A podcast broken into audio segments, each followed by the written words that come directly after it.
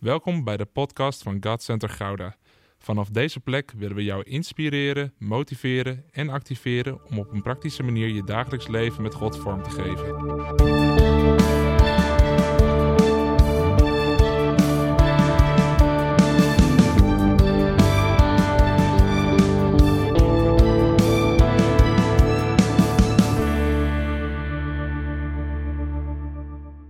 Uh, ik ben Talita Kiefer. Ik ben getrouwd met uh, die knappe bassist daar zo. En uh, ik mag vandaag mag ik het, mag ik het woord met jullie delen. Ben ik heel erg dankbaar voor. Ik ben niet heel groot, dus we hebben afgesproken dat we de, de lessenaar maar een beetje zo schuin zetten, want anders kan ik jullie niet goed zien allemaal. Ik ben ongeveer 1,55, dus dat is niet heel groot. Um, ik ben Molux, Davis Indisch. Maar ik ga het vandaag niet met jullie hebben over de verschillen tussen Molukkers en Indo's.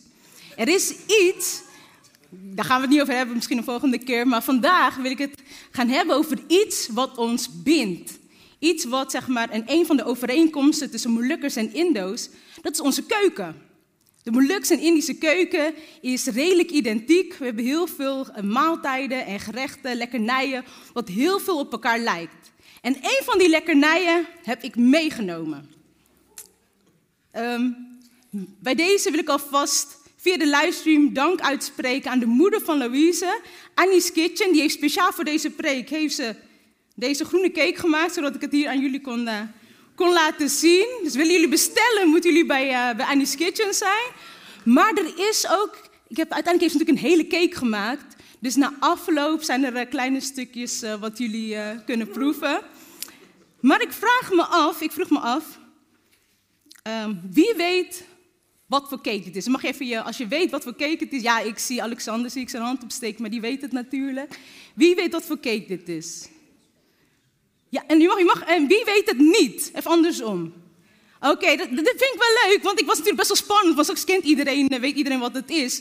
Maar voor de mensen thuis, uh, de meeste mensen weten dus niet, de meeste handen gingen omhoog voor dat ze niet wisten wat voor cake dit was. Ik wil je ook gaan vragen, misschien als je in de live chat zit, dat je eventjes, eh, als je weet wat het is, benoem het even. Ik hoorde Erna wat zeggen. Wat zei je, Erna?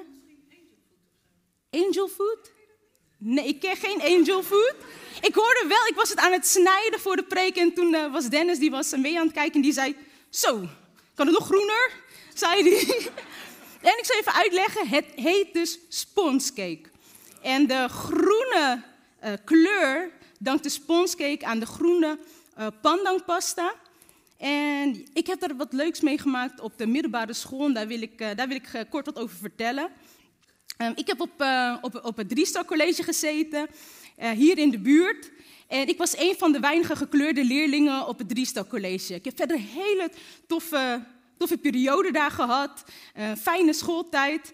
Um, maar heel vaak dachten leerlingen dachten dat, uh, dat ik geadopteerd was uh, toen ik daar op school zat en nog een aantal andere Molukse leerlingen. En ik mocht, toen ik in de vijfde zat, mocht ik uh, een spreekwoord doen over 50 jaar Molukkers in Nederland. Dat is al 20 jaar geleden, ondertussen. Um, maar kun je nagaan dat eigenlijk heel weinig, er was eigenlijk heel weinig bekend.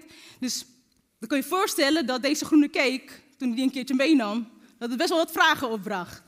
Ik zat dus in de, ik denk de derde of de vierde klas. En het is zoals je van, uh, van oma kwam zondag en ze had wat lekkers gemaakt. Dan uh, kon je dat lekker meenemen om lekker op te peuzelen in de pauze. En ik had toen mijn sponscake, dacht ik, oh, die ga ik lekker in mijn eentje opeten. Zat helemaal verpakt in aluminiumfolie. Ik was het zo aan het uitpakken. En op een gegeven moment, al mijn vriendinnen en mijn klasgenoten begon ineens om me heen te verzamelen. En hoorde ineens, eeuw, wat heeft de Lita nou bij zich? Eeuw, groene cake, zeker beschimmeld. Het is chemisch. Dus in eerste instantie waren de reacties van, wat is dat? En ik moet zeggen, ik was wel een heel klein beetje beledigd, want ik dacht, hallo, mijn oma heeft dat gemaakt en het is super lekker. Maar als ik er zo naar kijk, denk ik, ja, het is inderdaad een heel chemisch groen, groene kleur. En als je niet weet wat het is, kan ik me voorstellen dat je eerst denkt van, wat is dat nou? En toen zei ik tegen mijn klasgenoten en vriendinnen, verder, ik weet zeker dat jullie het lekker vinden. Ik zeg, neem gewoon een klein stukje en dan weet ik zeker dat jullie het lekker vinden. En waren de eerste reacties, nee, uh, nee, dat hoef ik niet hoor. Maar ik zei, doe nou maar, doe maar. begin met een klein stukje. En het begon met een klein stukje en ik deelde dat uit. En toen waren de reacties, wow, dit is echt lekker, mag ik nog meer? Maar ja, ik had maar één plak meegenomen en ik wilde ook nog eten. Dus ik zei, nou weet je wat, ik neem morgen neem ik wel mee. Dus volgende dag twee plakken mee, eentje voor mezelf. Maar ja, toen waren ze aan het ruzie over het ene plakje.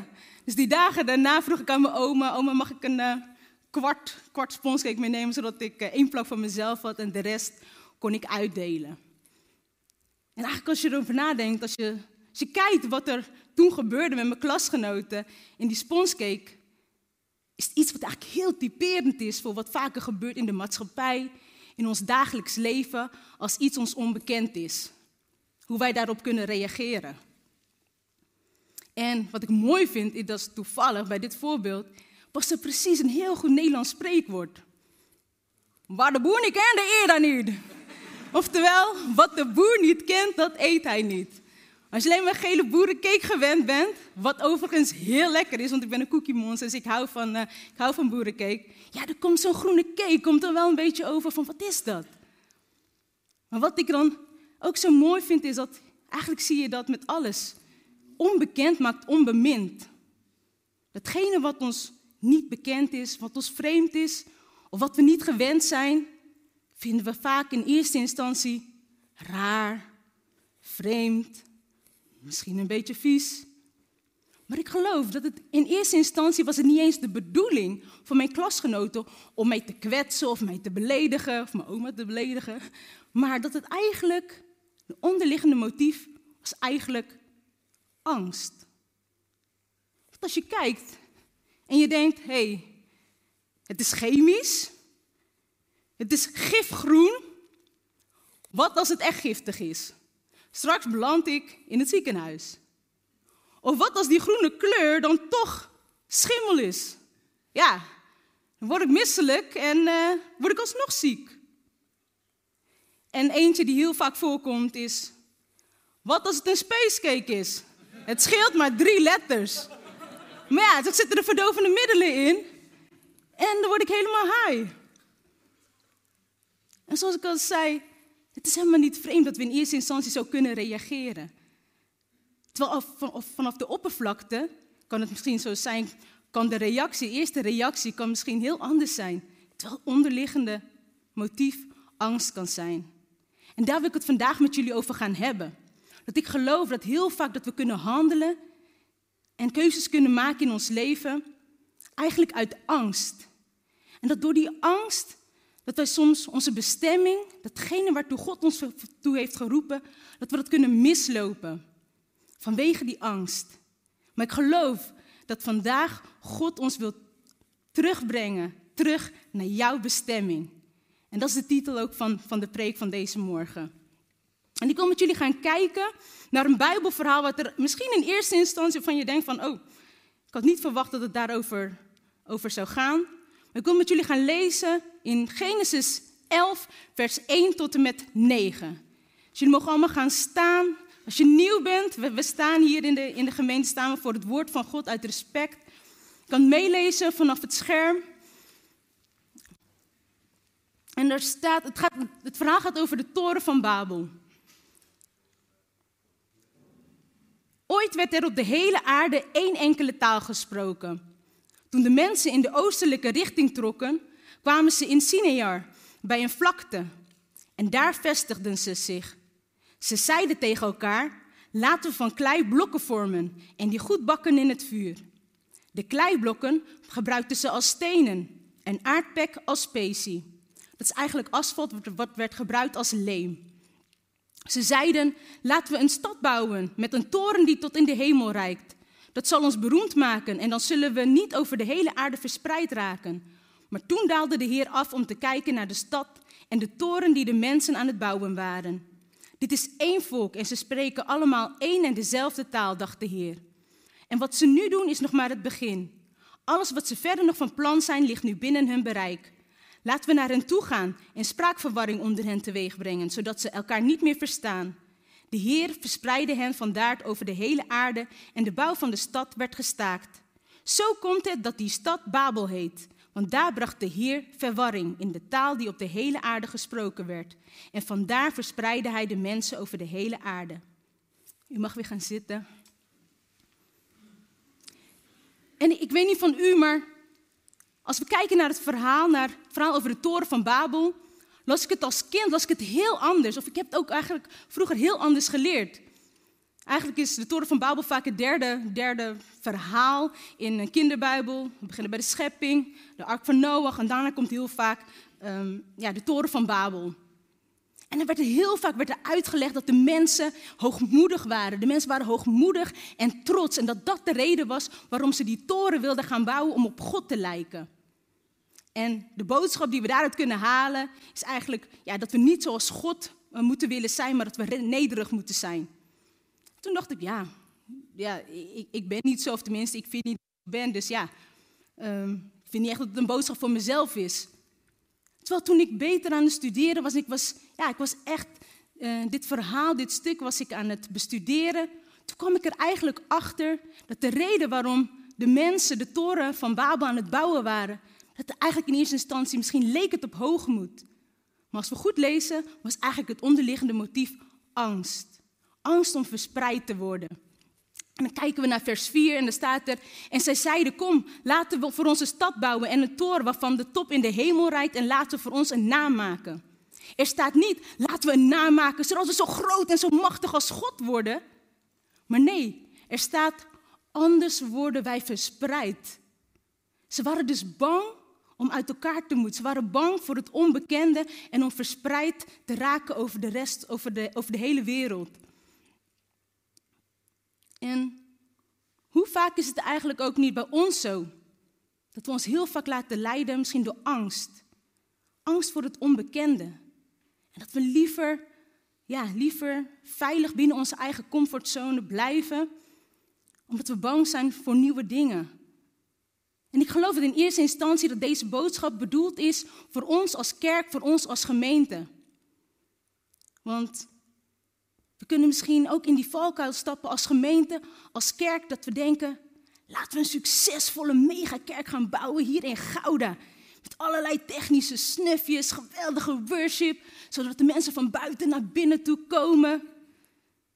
Want stel je voor dat wij zelf naar buiten moeten gaan treden. Daar, de straat op, daar waar de mensen te vinden zijn. En ik geloof dat we als als kerk misschien zo gefocust kunnen zijn op, op binnen, op alle activiteiten binnen, op de gemeente zelf.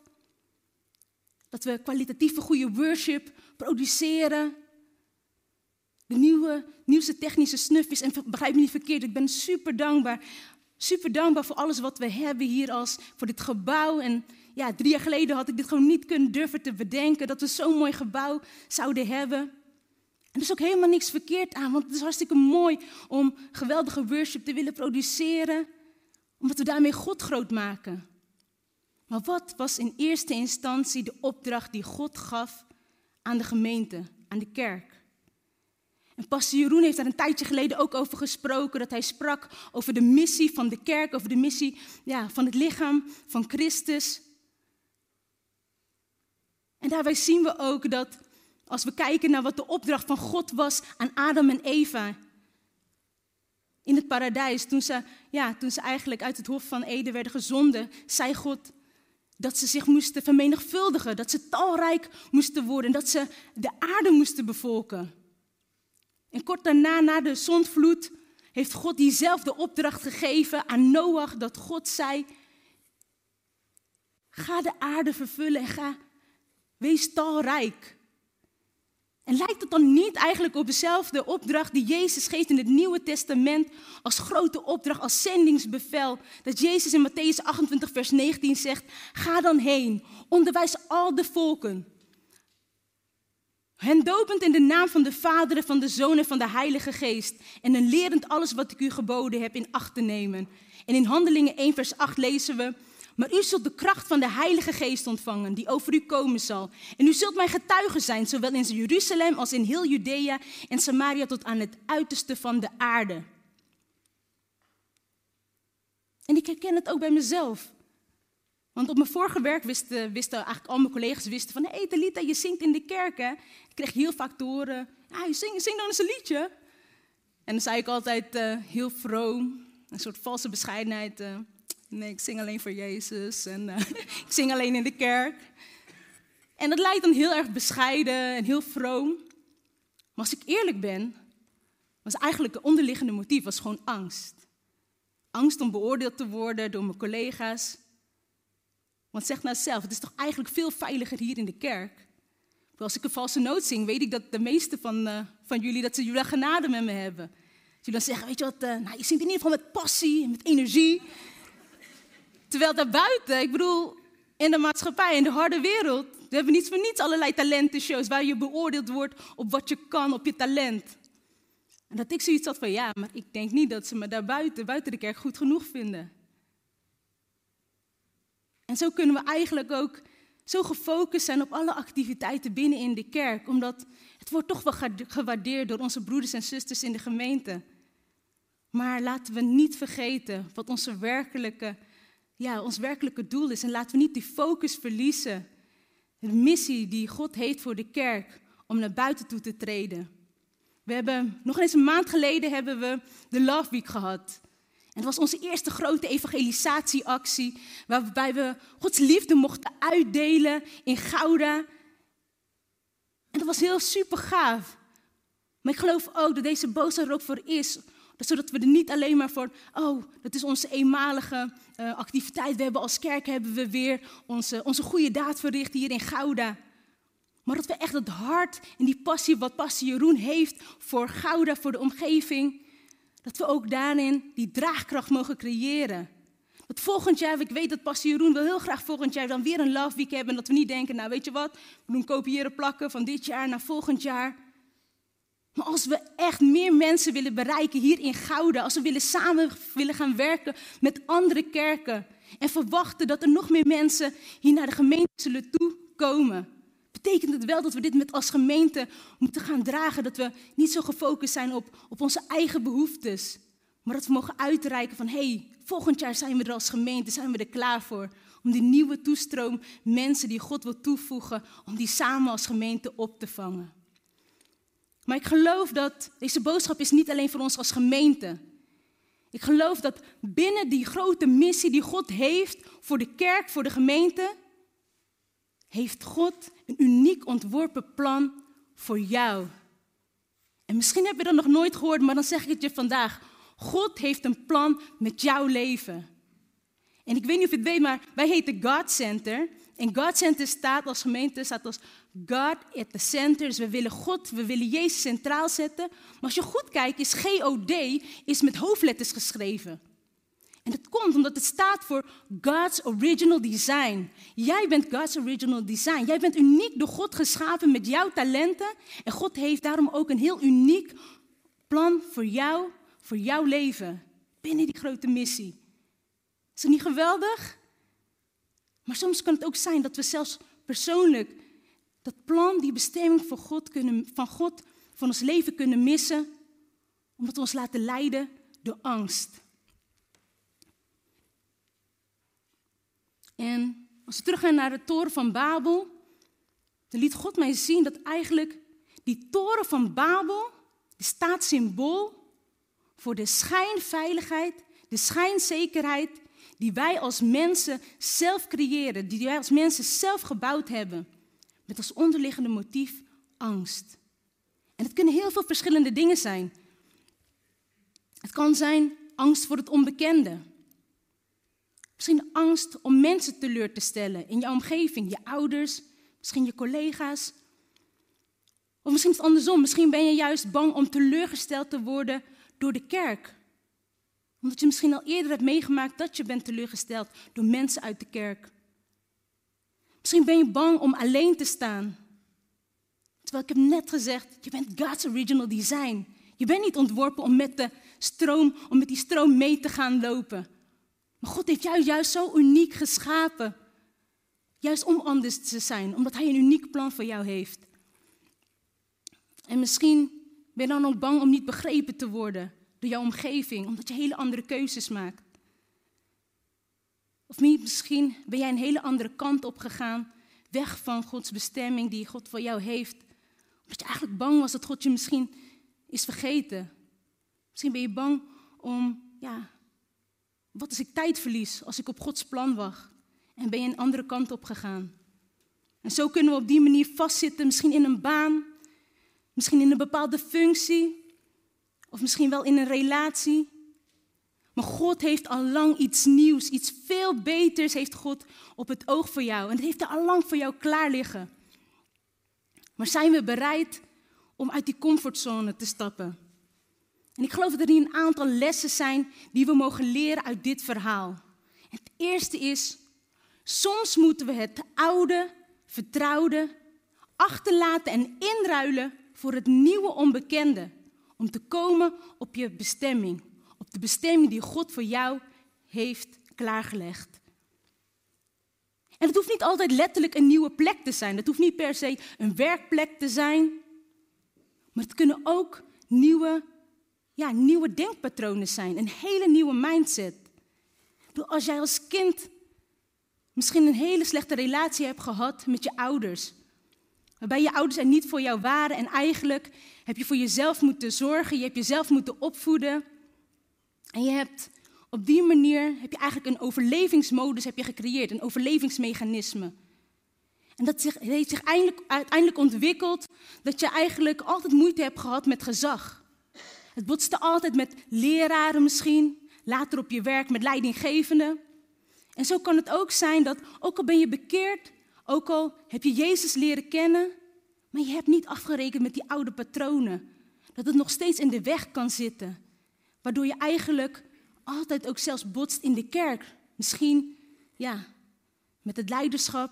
Dat je het heel moeilijk vindt om, ja, om eigenlijk ja, om te gaan met, met gezag. Terwijl ik geloof dat gezond leiderschap is bedoeld om jou te helpen, om jou op jouw bestemming te laten brengen. Ik geloof dat gezond leiderschap ook in de kerk is bedoeld om jou te helpen om te herkennen wat jouw bestemming is en om jou daarin te mogen positioneren.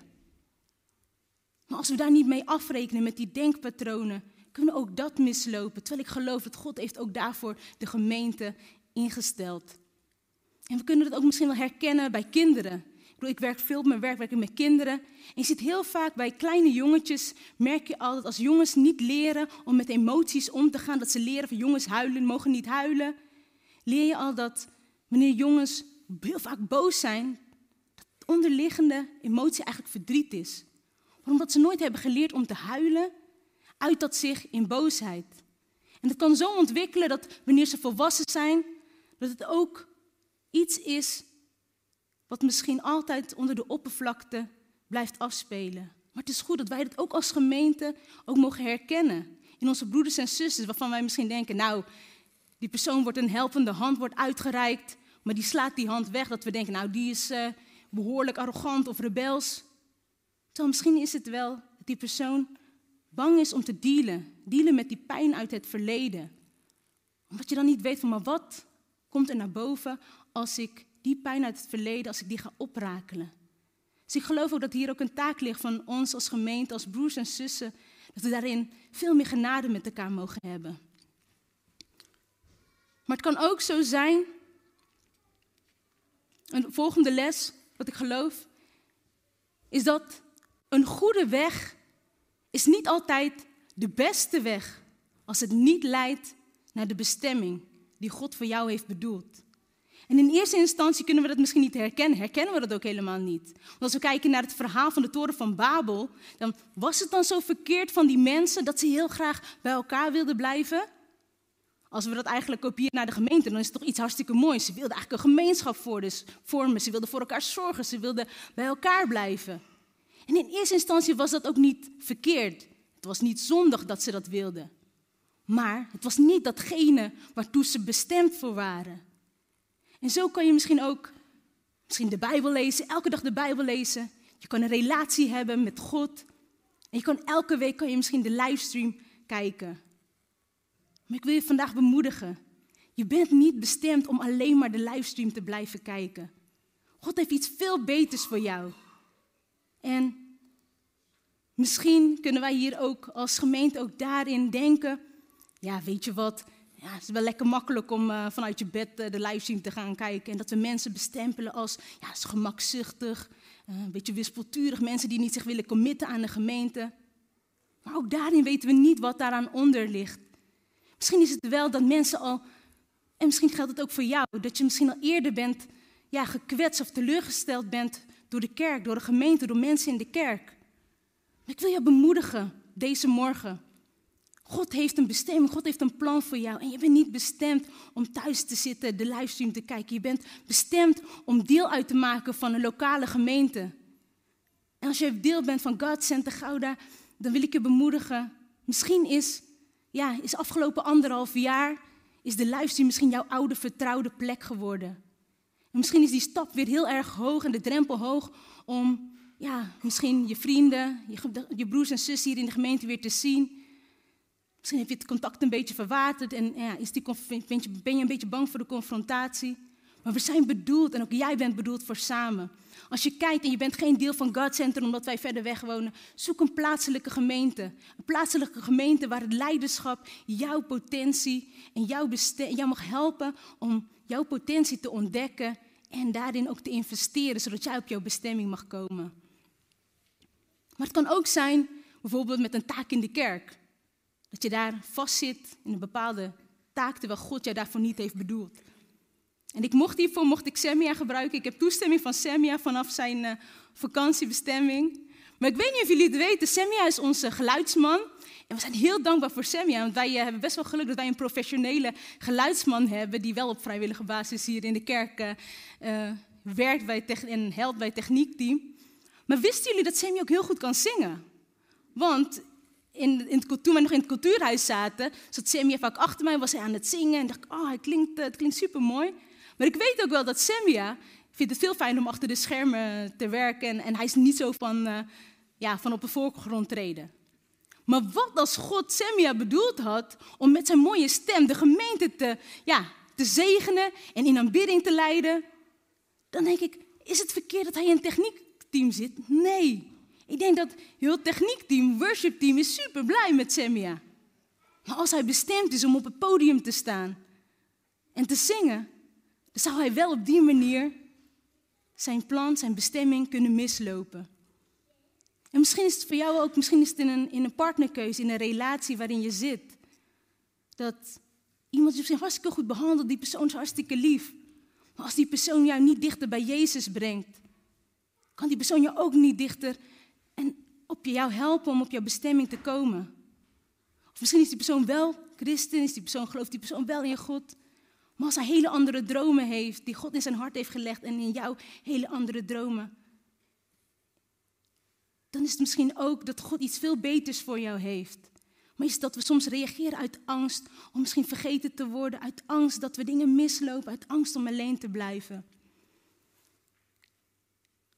En de laatste openbaring die ik had, daarvoor wil ik uh, weer teruggaan naar de sponscake. Ik geloof dat hoe meer je proeft van Gods unieke plan voor jouw leven, hoe meer je het verlangen gaat krijgen om in jouw bestemming te wandelen.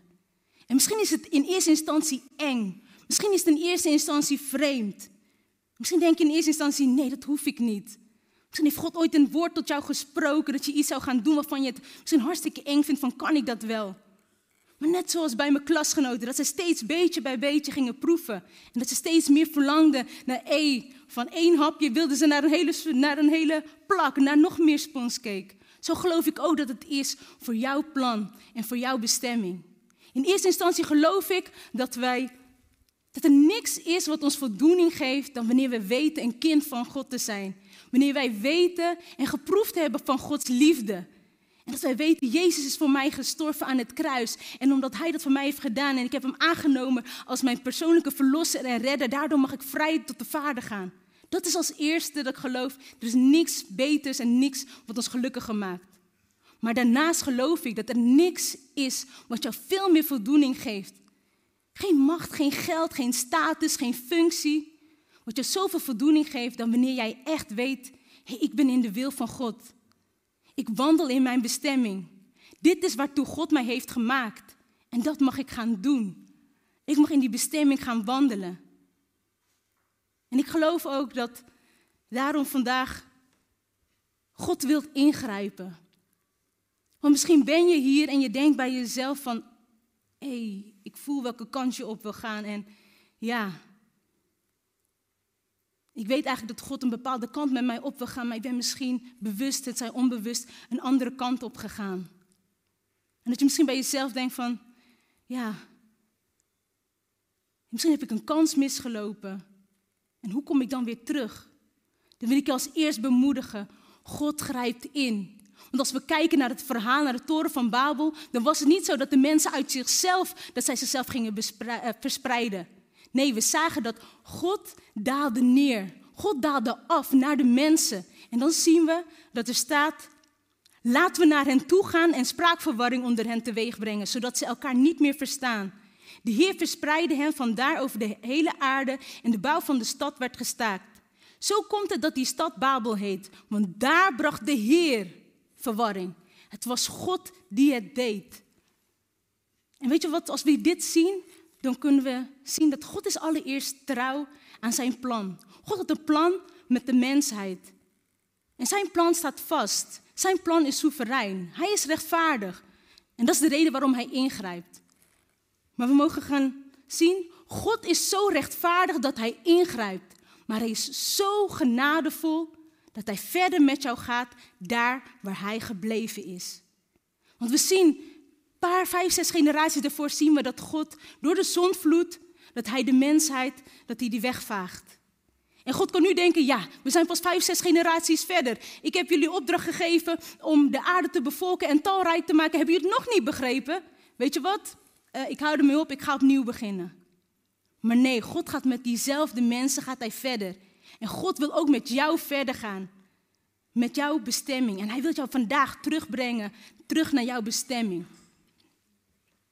Omdat hij zo genadevol is. En misschien kan het zo zijn dat God ingrijpt, maar dat wij Gods manier van ingrijpen niet begrijpen in eerste instantie. En dat het ons verwart. En dan kunnen we denken, oh, dat is geestelijke strijd.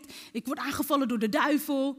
En dan denken we van, weet je wat, we bidden de hele tijd dat onze leidinggevende, dat zijn hart verzacht mag worden, zodat hij ons die ene functie geeft die we zo graag willen hebben. Terwijl God ons eigenlijk ertoe geroepen heeft, heeft hij al lang een andere baan voor je. En wil hij eigenlijk dat jij die schijnzekerheid, die schijnveiligheid van het vaste contract en de salaris loslaat, zodat jij als ondernemer uiteindelijk met je eigen bedrijf veel meer invloed kan uitoefenen. Maar zijn we dan bereid om het oude vertrouwde los te laten en onze angsten onder ogen te zien? En ik geloof dat wanneer de duivel ons verwart, is het altijd zijn bedoeling om ons van onze bestemming af te leiden. Maar wanneer God ons verwart, is het altijd zijn bedoeling om ons terug te brengen. Terug naar onze bestemming. En we moeten gaan leren begrijpen dat Gods ingrijpen geen straf is, maar dat het zijn liefdevolle hand is, wat ons weer terugbrengt, terug naar onze bestemming. Moet denken aan wat André vorige week zei, Gods liefde dwingt ons niet, maar Gods liefde dringt ons. Zo, weet je nog met geloofsfietsje? Was het geloofsfietsje, was het? En misschien ben je hier en je denkt, ja, ik heb het gehad over die toren van Babel. Over die schijnzekerheid, schijnveiligheid, wat we als mensen misschien gebouwd hebben. En misschien weet je het nu, misschien zit je hier en je denkt, ja, ik heb voor mij ook een schijnzekerheid, schijnveiligheid gebouwd. Misschien is dat een taak in de kerk, misschien is dat je financiële zekerheid op werk. Of wat het dan ook is, misschien zelfs een taak in de kerk. Dan denk je bij jezelf, oké, en nu? Wat nu dan? Weet je wat ik mooi vind? dat in Spreuken 18, vers 10 wordt God zelf een sterke toren genoemd. Je hoeft niet op te zoeken, maar misschien wil je het noteren. Spreuken 18, vers 10. Dan staat er: De Heer is als een sterke toren. Rechtvaardige mensen rennen daarheen en zijn veilig. En dat is een echte veiligheid. Geen schijnveiligheid, maar een echte veiligheid. Als we Jezus kennen, als we Jezus hebben aangenomen, mogen we vrij tot de Vader gaan. Mogen we daar als rechtvaardigen daar naartoe rennen. En dat is het eerste wat we mogen doen: naar God toe rennen. Misschien kennen we wel, ik denk dat we allemaal dat spreekwoord wel kennen. Angst is een slechte raadgever. Maar in Jesaja 9, vers 3 staat er, Jezus is onze wonderbare raadsman. En misschien zijn er allerlei denkpatronen waar ik het net over heb gehad, een oude mindset, waarvan we misschien niet eens doorhebben dat het hartstikke ongezond is. Maar mogen we het vandaag mogen we het bij Jezus brengen en zeggen, Jezus, wilt u het dan laten zien? We mogen het in zijn licht brengen, zodat hij datgene wat misschien verborgen is in ons hart, dat hij het aan het licht brengt. Dat hij zijn licht daarop kan laten schijnen. En dan geloven dat in zijn licht en in zijn liefde dat alle angst zal verdwijnen. Want er staat in 1 Johannes 4, vers 18 staat er, de liefde laat geen ruimte voor angst. Volmaakte liefde sluit angst uit, want angst veronderstelt straf. In iemand die angst kent, is de liefde geen werkelijkheid geworden. En ik ben zo van overtuigd dat wanneer je doordrenkt bent van Gods volmaakte liefde, zal je niet meer handelen uit angst, maar uit liefde. Voor God, voor mensen, maar ook voor jezelf. Love God, love people, love yourself. En soms is daar voor één aanraking is daar soms voor genoeg. We gaan zo meteen ook als de worship zo naar voren komt, gaan we ook bidden. En dan geloof ik dat soms één aanraking van God is genoeg om die angst ja, van je te laten afvallen. Maar soms hebben we daar ook hulp bij nodig. En weet je hoe mooi het is dat God daarom de gemeente heeft ingesteld. Voordat Jezus de discipelen, tenminste nadat Jezus de discipelen had uitgezonden, was het niet zo dat de discipelen, de apostelen als steltje kippen zonder kop, maar ah, we, gaan, uh, we gaan de wereld veroveren en, uh, met het evangelie. Nee, we zien dat God eerst, dat Jezus eerst de gemeente instelt. En we zien dat de apostelen handelen vanuit de lokale gemeente. Hoe mooi is dat? En ik ben heel dankbaar voor onze gemeente. Ik ben dankbaar dat wij een gemeente hebben met een afdeling pastoraat. Want wat ik zei, soms is maar één gebed daarvoor nodig. Maar soms hebben we daar misschien hulp bij nodig. En misschien denk je bij jezelf, ja, dat is lekker makkelijk, Talita, is lekker makkelijk praten. Maar dan wil ik eindigen met wat ik persoonlijk heb meegemaakt. Een jaar geleden zat ik nog midden in het herstel van mijn burn-out. In 2019 hebben mijn man en ik hebben een eh, zwangerschapstraject gevolgd in het ziekenhuis. En na zeven mislukte IUI's kwam ik in een burn-out terecht. Ik heb vanaf eh, december 2019 heb ik echt eh, weken, maanden heb ik gewoon op bed gelegen. Ik kon niks. En ik heb daarvoor professionele hulp gezocht in het ziekenhuis. Um, ik heb gesprekken gehad met de maatschappelijk werker. En dat heeft me heel erg geholpen om de kinderwens en heel traject te kunnen verwerken. En het ging steeds beetje, beetje ging het beter. Maar vorig jaar, echt een jaar geleden, was ik nog echt bezig met. Toen werkte ik nog maar twee dagen in de week, twee uurtjes op een dag. En toen had ik ook niet kunnen bedenken dat ik een jaar later hier alweer zou kunnen staan. Maar ik ben blij voor de hulp die ik heb gehad. Want nadat ik klaar was met mijn begeleiding vanuit het ziekenhuis, toen zei uh, pastor Jeroen, die vroeg aan Dave en aan mij van hoe het nu ging. Ik zei, dat, ja, ik zei dat het al wat beter ging. Maar toen zei, ben ik zo dankbaar dat hij dat herkende. En dat hij zei, ja, maar die kinderwens is maar de aanleiding. En heel traject was maar de aanleiding voor je burn-out. De oorzaak van die burn-out lag veel dieper. En tijdens het pastoraat toen kwam ik erachter dat ik eigenlijk al van kleins af van, vanaf mijn jeugd al eigenlijk zo last had van prestatiedruk, van bewijsdrang prestatiedrang. Dat heeft zich zo ontwikkeld en dat bevestigde zich alleen maar in, op andere plekken, op mijn werk, in de gemeente waar ik later kwam. Het was een jaar geleden, juli 2020 was het, dat ik in mijn Bijbel aan het lezen was. En ik las over de kruising van Jezus. En zo vaak had ik het gelezen, het is volbracht, maar ik las het vanuit de basisbijbel. En daar stond, alles is gedaan. En toen ik dat las, toen was voor het eerst dat het van mijn verstand naar mijn hart daalde. Want natuurlijk wist ik dat Jezus van me hield. Natuurlijk wist ik dat ik bij hem mocht komen en dat ik goed genoeg was. Maar toen greep God in. En dat was de ingreep van God. Dat het daalde van mijn, van mijn hoofd naar mijn hart. En was het toen ineens koekenij? Was het toen ineens veranderd? Nee. Het is een proces. Staat in de Bijbel, wordt, ja, wordt hervormd door de vernieuwing van uw denken. Dat is een proces. En dat, soms willen we heel graag dat het gewoon in één keer, dat God zo doet en dat het gelijk over is. En dat wilde ik ook. Ik dacht, Heer, laat me dan gewoon één week huilen. Eén week huilen en dan is het over. Maar weet je wat? Nu ik een jaar verder ben, ben ik God zo dankbaar. Want het was omdat hij zoveel van mij houdt dat hij de tijd met mij wilde nemen. En ja, ik was bang dat ik helemaal opnieuw moest beginnen. Ik was bang dat het heel lang zou gaan duren. Ik had niet verwacht dat God nu al dat ik een jaar later hier mocht gaan staan. En ik vertel dit niet omdat ik, omdat ik medelijden wil of omdat ik zo goed ben. Nee, ik wil hiermee zeggen, God is zo genadevol. Wat hij voor mij heeft gedaan, wil hij ook voor jou doen. En God wil vandaag ingrijpen in jouw situatie. God wil dat jij komt en dat jij terugkomt naar jouw bestemming, naar het oorspronkelijke plan waarvoor Hij jou heeft gemaakt. En dat wil Hij niet doen omdat Hij jou wil straffen of om jou dwars te zitten als het een tijdje duurt. Maar omdat Hij, het jou, omdat hij jou zo waardevol vindt, dat jij het waard bent om de tijd ervoor te nemen. En dat doet Hij omdat Hij van je houdt. Amen. ik wil zo gaan bidden. Maar voor het gaan bidden denk ik dat het heel mooi is om ook gewoon te gaan zingen, God te gaan zoeken. En wat ik zei, soms gebeurt het in één gebed. Soms gebeurt het in één aanraking. En dan wil ik je vragen, wanneer we zo meteen lekker gaan zingen, gaan worshipen. Dat datgene, misschien jouw toren van Babel, dat jij dat bij God mag neerleggen. Die schijnveiligheid, die schijnzekerheid die jij voor jezelf hebt opgebouwd. Of misschien zijn het angsten, misschien zijn het denkpatronen waarvan jij niet eens wist dat het heel ongezond was. Maar dat je mag vragen, ook in gebed, zo meteen. Dat je, dat je het in het licht van Jezus wil gaan brengen. En als er angsten zijn, dat je ook mag gaan vragen om mag je laten vullen door Gods volmaakte liefde. Zodat die angst mag gaan wijken. En dan zullen we gaan bidden.